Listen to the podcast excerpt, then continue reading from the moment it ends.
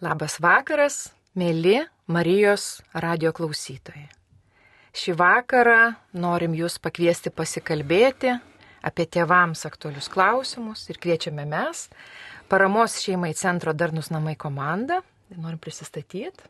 Esu Danguolė Zalepugienė, dirbam kartu darniuose namuose, taip pat dirbu ir su ugdymo įstaigoje, su tėvais, vaikais ir žmonėmis, kurie ugdo vaikus. O aš esu Jorūnė Višniauskytė Rimkienė, esu Vytauto didžiojo universiteto socialinio darbo katedros dėstytoja ir esu darnių namų tėvų konsultantė, esu gestalto psichoterapijos praktikė. Dar daug kitų veiklų darau, bet šiandieną labiausiai mano statusas kalbėti apie tėvus ir vaikus, tai va tėvystės konsultantė. Visą rudens sezoną ir, ir vat, gruodį, kiek jo čia buvo, mūsų įstaiga Darnus namai vykdėme net du projektus skirtus būtent priklausomybėms nuo skaitmeninių technologijų prevencijos. Vienas buvo labiau skirtas tėveliam, kaip sustiprinti tėvus, kitas specialistam, suteikti žinių, ką reikia žinoti. Ir mes abi su Danguolė kaip tik viename iš šitų projektų labai daug darbavomės, intensyviai vedėm tėvam grupės. Ir šiandien vat laidoju ir norim su jumis pasidalinti savo atradimais, ką matėm, kas tėvam dėl ko skauda, kokius klausimus kelia. Ir aišku, iš to patarimais. Tai gal danguolė norėtum pradėti, vad kas tau pirmiausiai, vad vedant net kelias grupės skirtingose mokyklose Kauno vedėjai. Kas matėsi, kas labiausiai tėvam rūpi? Pirmiausia, tai jautėsi tokia vienoda dinamika abiejose grupėse, kad į abi grupės atėję tėvai buvo labai susirūpinę pirmame susitikime ir kai prašiau pasidalinti ta, tam tikrą metodiką, nes vis tiek mokymai, aišku, kad labai orientuoti į tokius praktinius susiemimus, pajautimus, išgyvenimus, labai tokius asmeninius. Tai pirmame susitikime visi, nebuvo jokių išimčių, visi kalbėjo apie tai, kaip patraukti, nulupti netgi tą vaiką nuo kompiuterio. Ir e, dinamika visa pasisuko link to, kad paskutinėme sustikime jau kalbėjome apie tai, kaip kiekvienas iš jų jaučiasi ir koks jis besikeičiantis santykis su, su jų vaikais. Tai e, keista buvo, kad nei vienas iš jų, taip ir ne vienoje, nei kitoje grupėje, aš dvi grupės vedžiau, nei vienoje, nei kitoje grupėje nebuvo minima jau kompiuterio kaip objekto, kuris kaip ir mhm. trukdytų vaikams gyventi, jų santykiui trukdytų. Tai va galvoju tokia labai gal ir šiek tiek na, kaip ir galėjau tikėtis, kad taip turėtų įvykti, bet nesitikėjau, kad bus labai tokia akivaizdi dinamika tėvų. Labai įdomų dalyką pasakė. Aš tai galiu pasakyti mano patirtį, nes vedu ne tik šitam projekte. Daugiau turime įvairių galimybių dirbti su tėveliais. Aš tai kažkaip pats pirmas, dėl ko ateina tėvai ir, ir retenybė, kad ypač paauglių, bet dabar ir jaunesnių vaikų tėvai kalba apie ribas. Ir va kaip tu sakai, pirmiausia prasideda kaip vaiką nulupt, ką daryti. Ir aš kažkaip va čia iškart noriu reaguoti, nes pastebim, kad va, per tą tėvelių gausą, kiek mūsų įstaiga planko, tai matom tokių trijų rūšių tėvelius. Matom tokią skalę, vienoj skalės pabaigoj tėvai, kurie nežino, ką jų vaikai daro, nesidomi, tai ta prasme visiškai toks apleistumas, neįdomu, sako ką. Klausiu vienos mamos, kurios paauglys sunus tokio problemiško elgesio, Sakau, ką jis ten veikia, kada baigė būti prie kompiuterio, sako, aš nežinau, aš neinu mėgoti, jisai kažką dar daro. Tai jau mum kaip specialistam čia labai grėsminga. Tačiau turime kitam skalės gale priešingą atvejį. Turim labai labai kontroliuojančius tėvus. Ir čia mus gazina kiti dalykai. Tie kontroliuoja, kad, sakyčiau, žmogaus teisės gal pažeistos, nes žinutės, kur rašomos, yra prižiūrimos. Specialistų mūsų labai mums svarbu rasti tą vidurį. Tai lygiai tą patį pastebėjau, bet gal jeigu išskirti tą kontrolės tokią atšaką, o gal tai yra lygiai vertiškas dalykas su kontrolė, tai yra tokia perdėta globa. Ir tai trukdo apskritai ugdytis kaip žmogui, vaikui, ugdyti savo savarankiškumą, gebėjimą bendradarbiauti irgi, nes būtent tokia perdėta globa nesuteikia galimybės pasidalinti atsakomybės, prisijimti tomis atsakomybėmis, ypatingai jeigu yra vienas vaikas ir, sakykime, jisai neturi kaip ir, na, tokių objektyvių aplinkybių tai padaryti, įsipareigoti, būti atsakingam. Ir globa tikrai pritariu tau čia ir konsultuojantgi labai, labai jaučiasi dabar. Ir įdomu tai, kad ta globa, jinai ateina labai akivaizdžiai jaučiasi iš pačių tėvų, tiesiog dėl tokio nesaugumo, nerimo, įtampos, baimių labai daug, gal sakyčiau, ir nepasitikėjimo savim, tada perkelimas vaikui savęs kaip asmenybės tasos perėjimas į, į tą vaiką jau atsi. Na, žodžiu, žmogus aš įsivaizduoju, kad bando kompensuoti tokią perdėtą globą ir tokią kontrolę, kurios nejaučia tie mokymai, kuriuos mes vedame, tai padeda apskritai ir santykiuose tvarkytis ir, ir su sutoktiniais, ir su savo aplinka, ta prasme stebėti pirmiausia, nu, atpažinti save ir tuos vaikus prižiūrėti, bet ir paleisti. Tokį gerą balansą, aš pat vėl prie jo noriu grįžti. Sakom, žodis kontrolė lik ir nelabai koks, nes ypač ta hiperkontrolė arba hipergloba Bet mes, kalbėdami apie balansą, vat ir kalbam, kad reikia vaikam nurodyti ribas. Ir lygiai taip pat ne tik apie skaitmeninės technologijas ar socialinę mediją, bet apie visą kitą. Bet ši čia mes tvirtai ir drąsiai norim sakyti tėvam, nesvarbu, kiek vaikui būtų metų, svarbu briežti ribą, nes kartais tėvai sako, ar tikrai reikia. Tai reikia, Ir kodėl norisi pasakyti sveiką ribą? Todėl, kad vaikai, kuo jie mažesni, bet dar ir paaugliai, neturi to savireguliacijos įgūdžių. Ir mes drausdami, brėždami tą ribą, ir sakykime, bet jeigu vaikas jau yra plius minus jaunesnysis paauglys arba dar pradinukas, ar ne, ir sakom, ne. Ir net ir paauglys tai yra dvi valandos, jeigu taip apie visai ribas, ar ne, ir tada tėvai tikrai turi tas valandas ir prižiūrėti. Tam, kad vaikas išmoktų ateiti pats, kai nebus šalia tėvelių tą darytis. Tai mes čia ir kalbam ir stiprinam jūs, kad normalios ribos, kalbant ir apie technologijas, jos yra reikalingos. Ir norisi apie jas irgi kalbėti, bet aišku, nueisim ne apie ribas, nes kai tėvai ateina ir pradeda klausti apie tai, nes pirmiausiai bent kiek į mane kreipiasi mūsų, va, sakykime, grupinė konsultacijų metu apie ribas. Mes apie jas kalbam, bet dažniausiai mes apverčiam, sakom, pirmiau turim kalbėti apie meilę ir apie santyki, vėliau apie ribas. Bet kažkaip apie ribas pradėjome pačios. Ar... Tai vad e, tame reikalas, kad tada bandai kalbėti apie tai, kad riba tai nėra bausmė. Tai yra skirting, visiškai skirtingi dalykai. Ir aš kartais galvoju ir, ir net ir esu pasakius, ir šiandien, vad mamai jau saugusiai pasakiau, kad reikia ir verta imtis lyderystės. O kas yra geras lyderis, ar ne šeimoji? Tai yra pirmiausia tai, kad jisai sugeba dalinti su pagarba, dalintis tam tikrais įsipareigojimais, tačiau jisai veda į priekį dėl to, kad jisai yra suaugęs, kartais būna vienas tik suaugęs su, su keliais vaikais, ar ten tėtis, ar mama. Aš galvoju, kad viena iš priežasčių, dėja, galbūt atrodytų kitaip, bet viena iš priežasčių, dėl ko tėvai nebrėžia ribų, būtent dėl to, kad jie negeba patys prisimti atsakomybės tiek, kiek priklausytų. Nes pastaruoju metu pastebiu tokius dalykus, mhm. na, tokius ir viešojo erdvėje ten aiškinimasi su, su medikais, su gydytojais, kas ten kiek turi kažko padaryti ir taip toliau. Ir mano patirti yra taip, kad tie, kurie tikrai geba prisimti už vaiką atsakomybės, jie nereikalauja tiek daug iš pasaulio tikrai tai yra tendencija akivaizdžia, mhm. kai aš duodu daug meilės ir aš su džiaugsmu žiūriu, kad mano vaikui įsvetimas žmogus, kuris tik tai retsikiais kelias valandėlės prie jo prisilečia, irgi dėmesingas jam, aš jaučiu dėkingumą, ar ne? Ir visai kitaip žiūrisi tada, kai nerandu laiko, esu sutrikęs, įsigandęs, tiesiog visokių aplinkybių gali susiklostyti tam suaugusiam žmogui.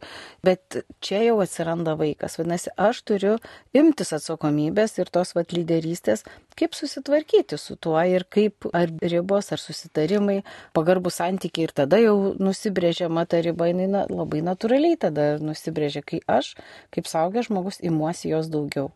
Ir čia man, žinai, primenė vieną terminą, kurį kartais tenka va tėvam priminti, vadinasi, draugelio statusas kuo vaikai didesni, tuo mes tas ryšys dar kažkoks į kitokią išeina, ar ne kokybė, kitokią formą. Ir šio laikiniai tėvai va, turi norą ir tendenciją tapti draugeliais. Toks jau, kad geras ryšys, tai būkim draugeliais. Čia ir norim priminti, kad tu sakai apie lyderystę, ar ne, kad visgi vaikam tėvų draugelių nereikia, nes jiems reikia stabilaus pagrindo mes suaugę esam ir turėtumėm būti tie, kurie turi draugišką santyki, bet nėra draugeliai. Nes vaikui draugelių reikia, bet jie gali būti kitur. Bendramžiai vienareikšmiškai reikalingi, bet kitom funkcijom, ar ne? Tai va tas, va, sustiprinti jūs norim, kad tėvų statusas tvirto, va, o nesakymas, arba tvirto taip sakymas, pačių emocijų susitvardymas ten, kur reikia, arba jeigu kažkur tai ar ašara nurėda, ar, ar kažkaip netinkamai parodoma, gebama įvardinti, kad gal ir aš padariau klaidą, bet to modeliu demonstruoju, kad aš gebu krizėje, sakykime, vienokio ar kitokio, ar nebūtinai krizėje situacijoje, ar ne, būtų tuo suaugus iš tiesų. Taip, taip. Ir lygiai toksai pats aš rodau savo ne tą tokią perdėtą, kažkokią nenatūralią, būti atviru ir kartais pasakyti, kad kaip ir minėjai apie tai ir atsiprašyti, pasakyti galbūt šiai minutiai nežinau. Juk visai normalu. Dabar nežinau, kaip įspręsti šitą problemą. Aš turiu kažkokią bėdą, kurią tikiuosi įsispręsiu. Gali visokių dalykų būti - darbų netektis, artimųjų, lygos ir taip toliau. Tačiau vaikui visgi nevertėtų meluoti, kad taip nėra, bet iš kitos pusės, na, taip užtikrintai pasakyti, kad aš ieškosiu būdų. Autoritetas nėra autoritarinis, kaip sakant, tas modelis auklėjimo. Autoritetas tai reiškia, kai tavim pasitikė. Aš suprantu, kad paauglystėje tais autoritetais pradedama bejoti ir tai yra irgi normalu. Tai praeis, jisai suabejojama, vėl grįžtama, bet visgi prisimenant ypatingai, žiūrėkit, kiek daug žmonių įžymių, kurie paskui prisimena ir išsako padėkas tevams, kad vat, jie išlaikė tą pagarbą savo ir būdami autoritetais.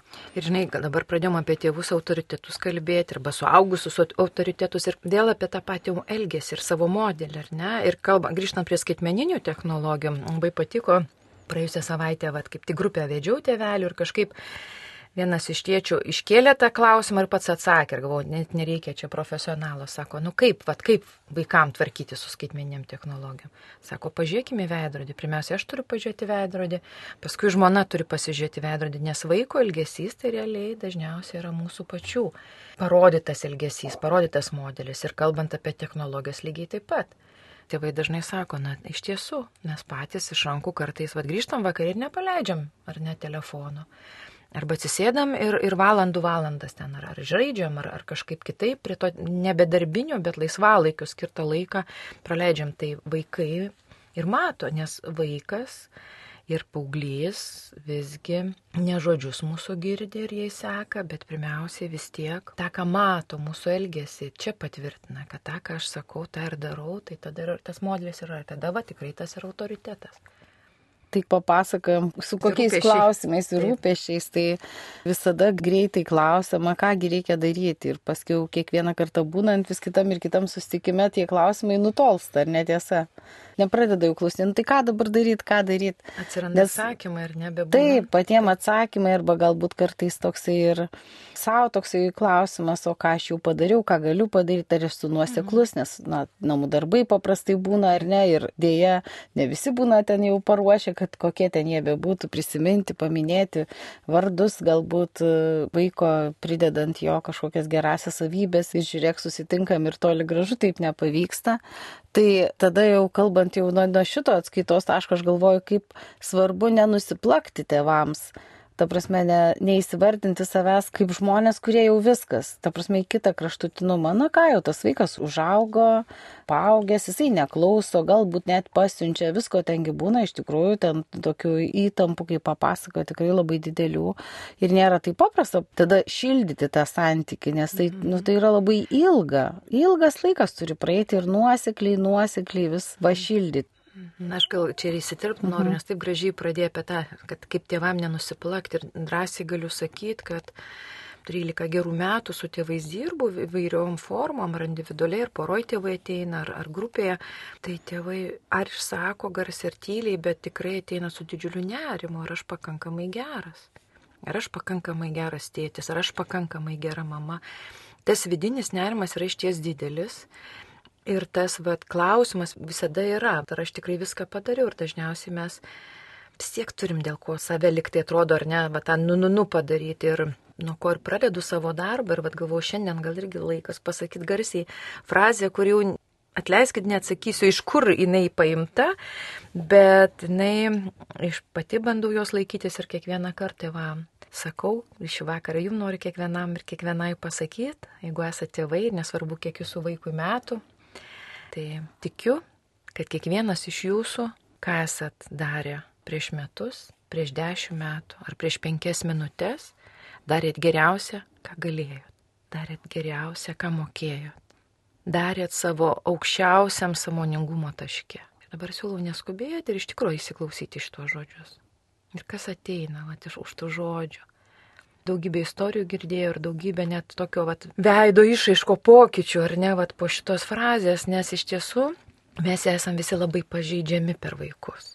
Nes jeigu vaikas blogai elgesi, tai apie ką čia yra kalbai? Tai apie mane pirmiausiai kad aš blogas tėtis ar mama. Tai va tas, va, kad aš nekaltinu, nenusiplaku, bet ką darau ir tada mes nekalbam apie tai, čia dabar nepropaguojam blogo ergesio, kad tikrai kartais padarom ir klaidas, bet eina kalba apie tai, kad aš jų nepakeisiu. Tos praeities, kuri buvo, aš jos negaliu pakeisti. Ką aš galiu pakeisti? Galiu dabartinį momentą. Ir va tas dabartinis momentas, va, man duoda šansą pradėti kitaip galvoti. Pradėti kitaip galvoti apie save, apie savo vaiką, apie mūsų santykį, aišku, apie savo sutoktinį ar, ar ten kitus namiškius, ar ne. Bet esmė, kad mes nekaltindami savęs, bet išnaudodami dabarties laiką, mes galim šitoje vietoje labiausiai paaukti. Nes jeigu mes sakom, aha, aš dariau geriausią, ką galėjau, mano vaikas darė geriausią, ką galėjo. Ir jeigu tai netinkamas ilgesys, aš nebaudžiu vaiko, aš jo pamokinu jį, arba aš save nebaudžiu, aš atsiprašau. Ir tada mes keičiam ar požiūrį, ar elgesį, ar santyki, ir taip keičiasi ateitis. Tai vad, ką tu sakai, nenusibaus, tai vad per tokį tiesiog vertybinę tokią frazę, per tokį teiginį kviečiu kiekvienam pažvelgti save Ir tada pamatysit, koks didžiulis pokytis vyksta mūsų mumise, viduje ir mūsų santykiai. Čia sprendžiasi ir tai, nuo ko mes pradėjom, ta perdėta globa.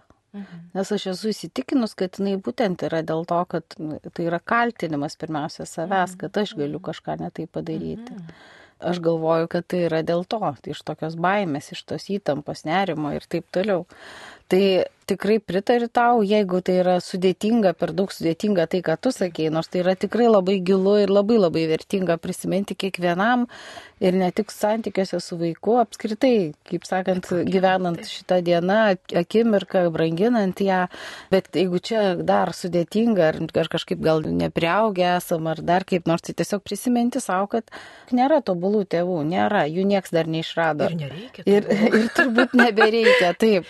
Taip ir augam ir gal va tada, kai suprasim, kad taip nėra, galim tą vadinamą restarto erą pradėti, mhm. kuri tikrai labai tinkama dabar, prieš kalėdas kartais sako, tėvai, nu tai kaip ten dabar, vad kaip ir mūsų tie ir mokymai, ar ne, mhm. lapkričio, čia gruodžio mėnesį, čia jau dabar visai artėja, jau taip pat kalėdos, jau nėra kada, čia laikas toks kaip ir netinkamas, O aš paskui susimašiau, nors ir pati tikrai nebuvau linkus nuvilkti to laiko iki kalėdų, bet susimašiau, kad tai yra begaliniai svarbus ir geras laikas, nes tai yra laikas savo. Kiekvienas iš tų tėvų atranda savyje kažką, mhm. atnaujina savo santykius ir su savo tėvais, nes, na, ta prasme, irgi apie tai kalbama tenai.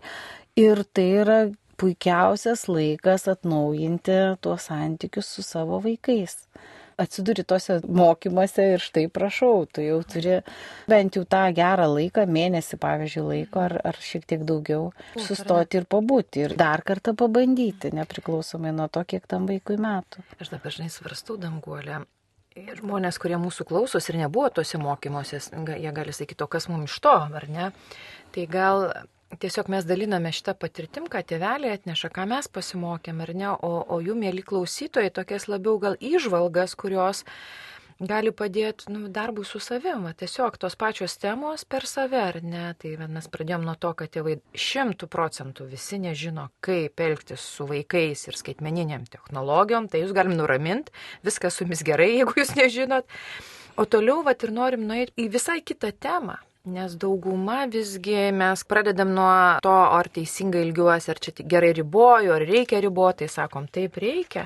Bet dabar norim pasidalinti dar kitą mintim ir jau eint prie tų, nežinau, ar žodis geras patarimų, gal labiau kažkokio kito norėtųsi man žodžio, ar ne, gal tokių išvalgų, kas geriausiai veikia. Ir Minėjau prieš tai ir ne, kad tenka dirbti ir su suaugusiais, kurie susiduria su žmonėmis, kurie jau turi priklausomybę vienos ar kitos rūšies. Ir įdomumo dėlį priklausomybė nuo skaitmeninių technologijų pasaulyje dar neįvardinta kaip skaitmeninė, jinai yra tikrai problematiška, jos daug rūšių yra, bet neįvardinta, bet tą temą vis daugiau šnekam. Ir aš tik tai, vad, kaip gal įžanga į tą mūsų kitą žingsnį, kad labiau pastiprinti jūs norisi, tai Noriu pacituoti šaunius kolegas, kanadiečius, beje, jų knyga ir lietuviškai išversta. Gordano Newfeldo ir Gabor Mate, jų knyga Nepraraskime savo vaikų ir kas auginat paauglius labai rekomenduoju. O dabar jau yra atnaujinta, į angliškai rašo, ar ne atnaujinta versija, tai kur didelį labai skiria dėmesį skaitmeniniam technologijom ir socialiniai medijai. Ir kaip mums tėvam elgtis šioje akivaizdoje, ar ne šioje, vat, visiškai naujoje, tikrai revoliucinė era. Kad mes patys tėvai tokios net patirties neturim, kaip augom, bėgom į kiemą, gal ne visi po balas lakstė, bet kažkur tai labiau gamtoj leisdavom laiko, dabar mūsų vaikai sėdi priešais dėžutės, ar, ar sakykime, ten telefonas rankoje, ar ne. Tai mums vien dėl to sunku, kad mes net palyginti negalim su savo patirtimi, per daug skirtinga. Tuo labiau, kad, pavyzdžiui, modernus tėvai, ypač labai mažulėlių vaikų, jie kartais didžiuojasi, kad jų kokių kelių metų vaikas ten greitai, greitai su telefonu sužaidžia ir sako, o kaip gerai, jau kad tas vaikas kalbėti nemoka lietuviškai, kad tas vaiko emocinė raida tuo metu sustojus, kol jis ar jinai žaidžia, taip truputį netkreipia dėmesį. Tik mano idėja, kurią noriu pasilinti kolegų, ką jie visgi akcentuoja, kad kaip mums atrodo, kad mūsų vaikai eina į tą erdvę, eina į tą skaitmeninę erdvę ir sakom, nu va, ten gerų dalykų yra, taip yra gerų dalykų. Bet ką jie pabrėžia, kad mūsų smegenys yra taip surėdytos, kad jos ieško visgi ne naujos informacijos.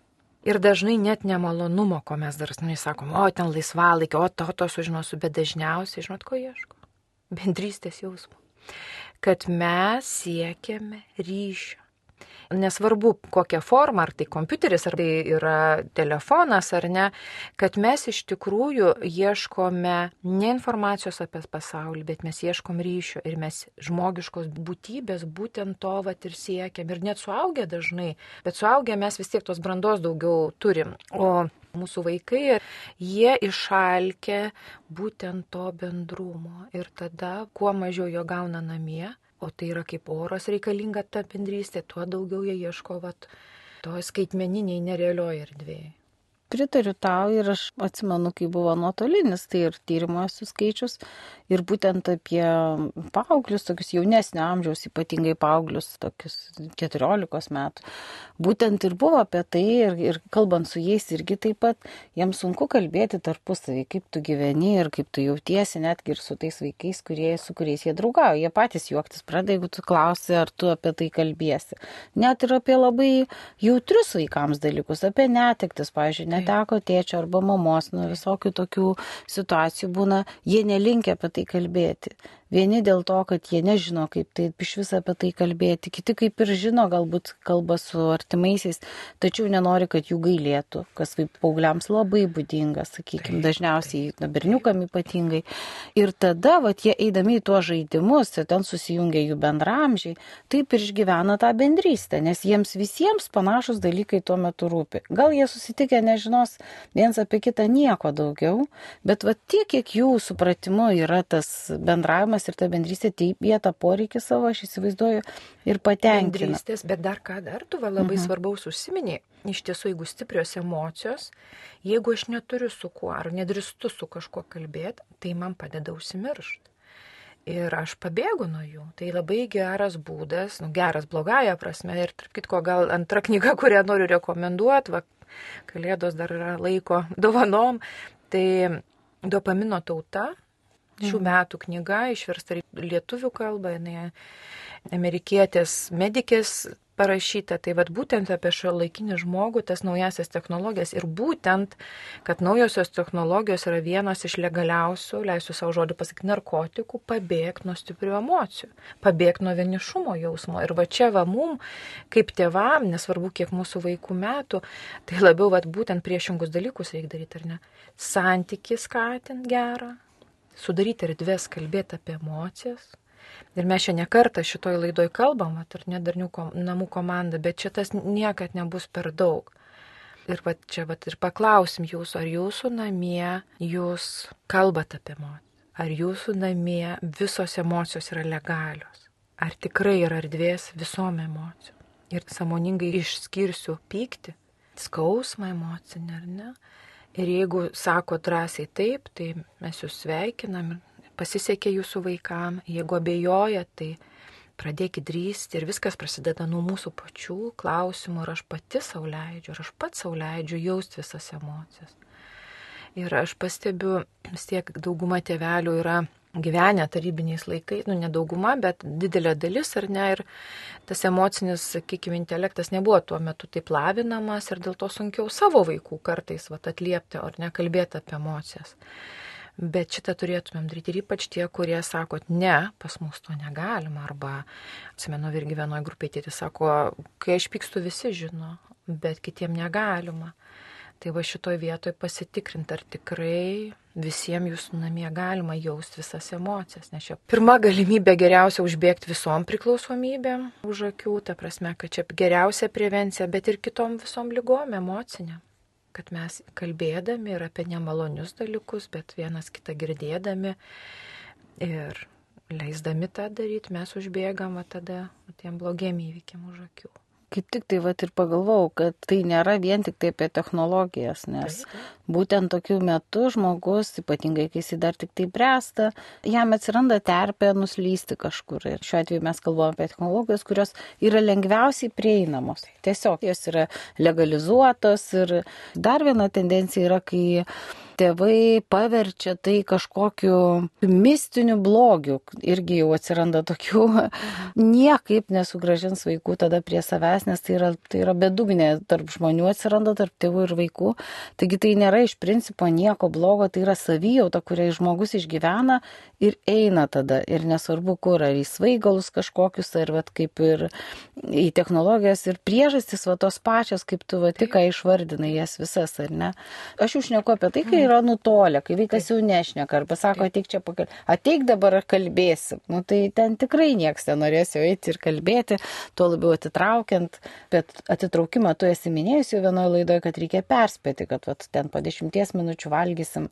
Aišku, kai pasako, kad ateik kalbėsim, tai sako, moter, kai moteriškė vyrui pasako, tai yra baisiausia, kas gali vykti, tai ką jau kalbėti apie vaikus, ar ne? Taip. Tai va, vieną iš tokių būdų aš vienoje ir grupėje pasiūliau, viena mama paminėjo, kad kažkaip praradusi ryšį su 15 metė dukra ir labai norėtų, kad jisai atsinaujintų ar sustiprėtų, ar bent jau kažkaip susišildyti tuos santykius. Tai pasiūliau atnaujinti muzikos klausimas ir kad tai nebūtų labai drastiška, dramatiška, kad nesukeltų, nes paaugliai nemėgsta, kai tėvai tampa ne va tai jaunuoliais. Dažniausiai tai tėvams tik taip atrodo, kad jiems yra labai smagu. Taip, jie mėgsta džiaugsmingus tėvus, iš tikrųjų, džiugius tėvus, žaidžiančius, Taip. linksmus. Tai tiesa, bet tas tokius paauglių tapusius, tai toli gražu ne, vėlgi jaučiasi nesaugus ir jiems nemalonu. Tai va toks mano pasiūlymas buvo tiesiog pradėti, pasiūliau klausyti muzikos ir pradėti jauna moteris dar ten tikrai netaip senai mhm. pati ir klausė, nes pastebėjau, kad žmonės kažkaip brėsdami nustoja klausyti muzikos, o muzikos klausimas jis yra, na taip, suaugęs su jaunystė, su, nu, su paauglystė, ar ne? Taip, taip. Iš tikrųjų labai nustebo visi ir kaip čia dabar, ir pasirodo, kad nei vienas iš jų jau nebeklauso. Aš neku mhm. apie tėvus. Tai kai pradedi klausyti muzikos tą, kuri tau buvo miela, tai sakykime nuo to, kad tą pojūtį savyje užaugintum, prisimintum, kaip tu jautėsi, kokius jausmus išgyvenai, kodėl tau tai buvo svarbu, nu, ta prasme susigražinti save ir po truputį tada domėtis ir ateiti iki to, kuo jie gyvena. Na, galbūt tai nebus muzika, kurios tu klausai visą dieną, ar ne? Ir va taip priartėti. Aš esu vieną kartą turėjus konsultaciją vaikui, paaugliui, kuris būtent tik tai tada ir prakalbo. Tai va toks labai praktinis, lyg ir paprastas, mhm. bet tikrai užtikrintas ir pačiam kaip žmogui. Taip. Nes paaugliam muzika yra, yra viena iš pagrindinių kalbų ir, ir su pasauliu taip, taip. tas santykis. Tai ačiū labai, aš irgi paklausiau, aš tai žinau, kad būna, va, ir, nes mhm. žinau šeimoje, kur tėtis ir sūnus labai mhm. turi muziką, va, kaip bendrą pomėgį. Tas laikas kartu yra labai svarbus ir Ir vad priminimas, ar ne, valgio valgio, sako, šeimos kartu valgymas, šeimos kartu pasivaikščiojimai, aišku, nuo amžiaus gali skirtis, dar va priminiai žaidimas kartu, bet esmė, va, ką ir suaugę dabar, jau suaugę žmonės, būdami dabar tėvai sako, kad labai būdavo svarbu tas buvimas kartu tai ir to laiko bus daugiau. Tai kvietimas irgi pergalvot ne tik gal nugaras vienas kitam rodyt per šventes arba nu, sėdėjimas prie stalo, valgymas, džiaugimasis vienas kitų, bet dar gali būti daugiau tų erdvių, kur mes galime susitikti. Nes tuo metu vaikai jaučia va tą artimumą, o tas poreikis yra begalinis, nesvarbu kiek vaikų metų net patys, kurie esame suaugę, ar, ar turim tėvelius, ar neturim jau šio žemėje, mums to santykių visada norisi, bazinio. Man dar vieną dalyką norisi priminti, nes dabar tokių keletą terapiniai savo praktikoje turiu atvejų, kur galvoju, va, suaugęs žmogus, lik ir, ir ne, ar gražus dabartinis gyvenimas, bet su tokiais skauduliais dar prisimena tėvus, kurie Aišku, jie irgi darė kaip mokėjo, irgi tuo metu savo maksimum supratime, per savo tikriausiai žaizdas augino vaikus, bet apie žodžius aš noriu pasakyti, jie dar turi skaudulius tėvų žodžio. Ir aš kažkaip vėlgi šitas laikas, aišku, toks gražus, mes labiau gal pasitempėm visom prasmėm ar ne, bet aš kviečiu ne tik per šventės, bet, kai sakau, pasitem, tai labiau atidesniem būti savo žodžiams, kas iš mūsų burnos išeina, kokį mes žodžių sakom, į ką labiau atkreipiam dėmesį labai graži metafora, vat, kalbant apie tėvystę, yra vat, riestainis. Man lietuviškas žodis taisyklingas riestainis, man kažkaip nelietuviškas, noriu pasakyti baronka, nes man atrodo teisingesnis, bet riestainis tebūnė. Bet kaip auginam vaikus, į ką mes labiau atkreipiam dėmesį? Ar į tą, ką jie nepadaro, ar į tą, ką padaro? Ar į tą skylę riestainį, ar į patį riestainį? Tai vad priminimas pamatyti labiau tą patį riestainį tą, ką gerai mūsų vaikas daro, dėl ko mes galim džiaugtis. Ir ne tiek daug tiek akcentų į tą tuščią, tuštumą, ar ne. Tai vad ir turiu galvoj tą minėdama apie žodžius, ar ne, vat, kai reaguojame vaiką. Tai žiūrėkim, ką sakom ir, ir atkreipkim dėmesį ir į pastangas, pamatykim, ką gero padarė. Ir nekalbant apie technologijas, apie bet ką. Ne, jeigu vaikų sunku valdyti, mes sakome, tos dvi valandos yra sveikiausia ar nedidesniam vaikui, bet jam kažkas pavyks, ar, ar pamatot, ar, ar pasakot gerą žodį. Tiesiog priminimą tokį. Kas dar būtų tau atrodo svarbu, bendrint šiandien mūsų pokalbį. Jeigu galima, aš apibendrinsiu iškart su patarimu, ką su tuo daryti. Puikiai. Aš jokių būdų neneigiu dovanų. Mano meilės kalba nėra dovanos, iš tiesų pati tuo įsitikinau. Bet aš šiemet supratau, kad ne, negalima žmonėms sakyti, kad ne, ne, ten nepirkit, nedarykit. Tiesiog na, nepirkit, nepirkit, čia jau priklauso nuo įsitikinimų, nuo pajamų ir nuo viso kito. Tai žodžiu, jau dovanosit, dovanas ar ką kitą. Bet aš galvoju, kad tokį pažadą duoti savo, parašyti bent du laiškus. Vieną savo, kiek esu malonus ir geras, ir vieną vaikui. Be jokio moralinio nukrypimo apie tai. Pabaigoje galima pasakyti. Tu žinau, kad aš visada lauksiu tavęs ir padėsiu tau, kai tik tai norėsi kreipkis. Tai yra toks išbandymas pačiam be jokių nukrypimų. Tai vad du laiškai mažiausiai. Vienas būtinai savo, reikia būtinai save pagirti ir pasidžiaugti. Savo šiuo dabartiniam taip, savo gyvenimo taip, etape. Taip, mhm. taip. O kitas būtinai vaikui. Ir tą vaikui padovanot. Ir būtinai taip, padovanot. Kaip taip. gražu. Be kokia graži mintis. Aš irgi ją pasimsiu.